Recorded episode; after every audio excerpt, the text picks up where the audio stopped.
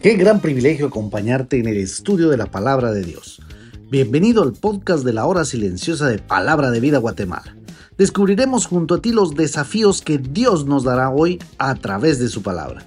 Deseamos que hayas tomado un tiempo para leer con anticipación el pasaje del día de hoy.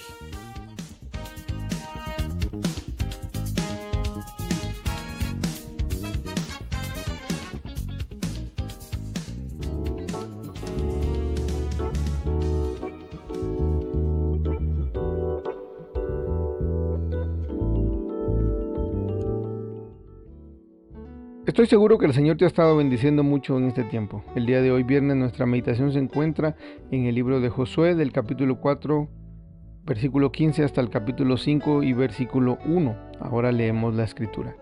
Luego Jehová habló a Josué diciendo, manda a los sacerdotes que llevan el arca del testimonio que suban del Jordán. Y Josué mandó a los sacerdotes diciendo, subid del Jordán. Y aconteció que cuando los sacerdotes que llevaban el arca del pacto de Jehová subieron de en medio del Jordán, y las plantas de los pies de los sacerdotes estuvieron en lugar seco, las aguas del Jordán se volvieron a su lugar, corriendo como antes sobre sus bordes. Y el pueblo subió del Jordán el día 10 del mes primero, y acamparon en Gilgal, al lado oriental de Jericó. Y Josué erigió en Gilgal las doce piedras que habían traído del Jordán, y habló a los hijos de Israel diciendo, Cuando mañana preguntaren vuestros hijos a sus padres y dijeren, ¿qué significan estas piedras? Declararéis a vuestros hijos diciendo, Israel pasó en seco por este Jordán, porque Jehová vuestro Dios secó las aguas del Jordán delante de vosotros hasta que habíais pasado, a la manera que Jehová vuestro Dios lo había hecho en el mar rojo, el cual secó delante de nosotros hasta que pasamos para que todos los pueblos de la tierra conozcan que la mano de Jehová es poderosa, para que temáis a Jehová vuestro Dios todos los días. Cuando todos los reyes de los amorreos que estaban al otro lado del Jordán al occidente y todos los reyes de los cananeos que estaban cerca del mar oyeron cómo Jehová había secado las aguas del Jordán delante de los hijos de Israel hasta que hubieran pasado, desfalleció su corazón y no hubo más aliento en ellos delante de los hijos de Israel. En el capítulo 1 vimos que un grupo de guerreros estaba cuidando los bienes que habían quedado en el este del Jordán. Estos mismos de la tribu de Rubén, Gad y la tribu de media tribu de Manasés eran como unos 40.000, según dice la escritura, eran hombres de guerra.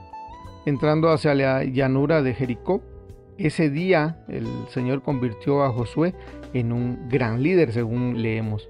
En el pasaje del día de hoy tenemos la segunda ocasión en la que Dios retira las aguas de su cauce y hace pasar a su pueblo en tierra seca, habiendo retirado las aguas de su cauce. Esto es interesante porque creo que ninguno de nosotros tiene una visión clara de esto que ocurrió. Sin embargo, por la fe sabemos que fue así. Tierra seca, ¿Puedes imaginar tierra seca en el lecho de un río caudaloso? En la propiedad de campamentos de palabra de vida Guatemala tenemos una laguna no tan profunda, pero algunos hemos experimentado lo que se siente pararse en el fondo de la misma. Al menos eh, se percibe un metro de lodo fangoso. Y eso es lo que imagino cuando dice tierra seca, o al menos un pequeño charquito por donde pasaron los millones de israelitas y los niños y los animales y las maletas y provisiones. Tierra seca completamente seca.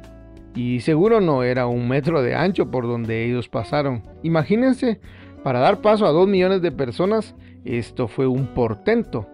Y porque nuestra mente humana es imperfecta y con tanta facilidad de olvidar, Josué, dice la escritura, erigió en Gilgal las doce piedras que habían traído del Jordán para cuando el día de mañana pregunten vuestros hijos a sus padres, ¿qué significan estas piedras? Declararéis a vuestros hijos, Israel pasó en seco en este Jordán, porque Jehová vuestro Dios secó las aguas del Jordán delante de vosotros, hasta que habíais pasado a la manera que Jehová vuestro Dios había hecho en el mar rojo, el cual secó de delante de nosotros hasta que pasamos para que los pueblos de la tierra conozcan que la mano de Jehová es poderosa, para que temáis a Jehová vuestro Dios todos los días.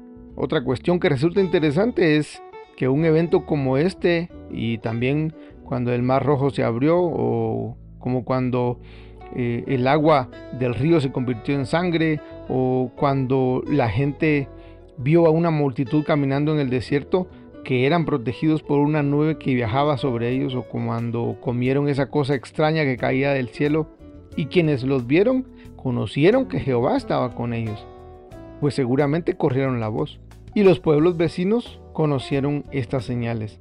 Esto me recuerda las palabras del Salvador allá en Juan 10 estas obras son para dar a, conocer al invisible. Jesús dijo, si no hago las obras de mi Padre, no me creáis, mas si las hago, aunque no me creáis a mí, creed a las obras, para que conozcáis y creáis que el Padre está en mí y yo en el Padre.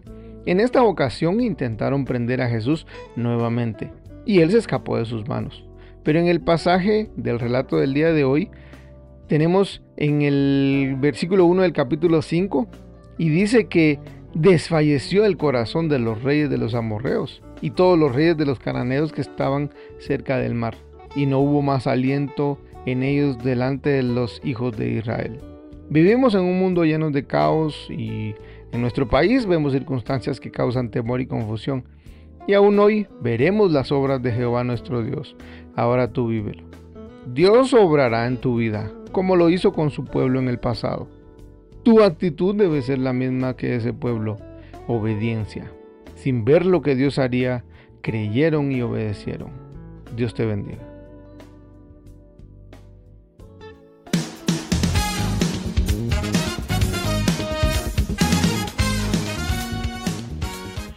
Es emocionante saber los tesoros que Dios tiene en su palabra para nosotros. Ayuda a tus amigos a que descubran la voluntad de Dios para su vida. Comparte este podcast con ellos. No olvides seguirnos en nuestras redes sociales.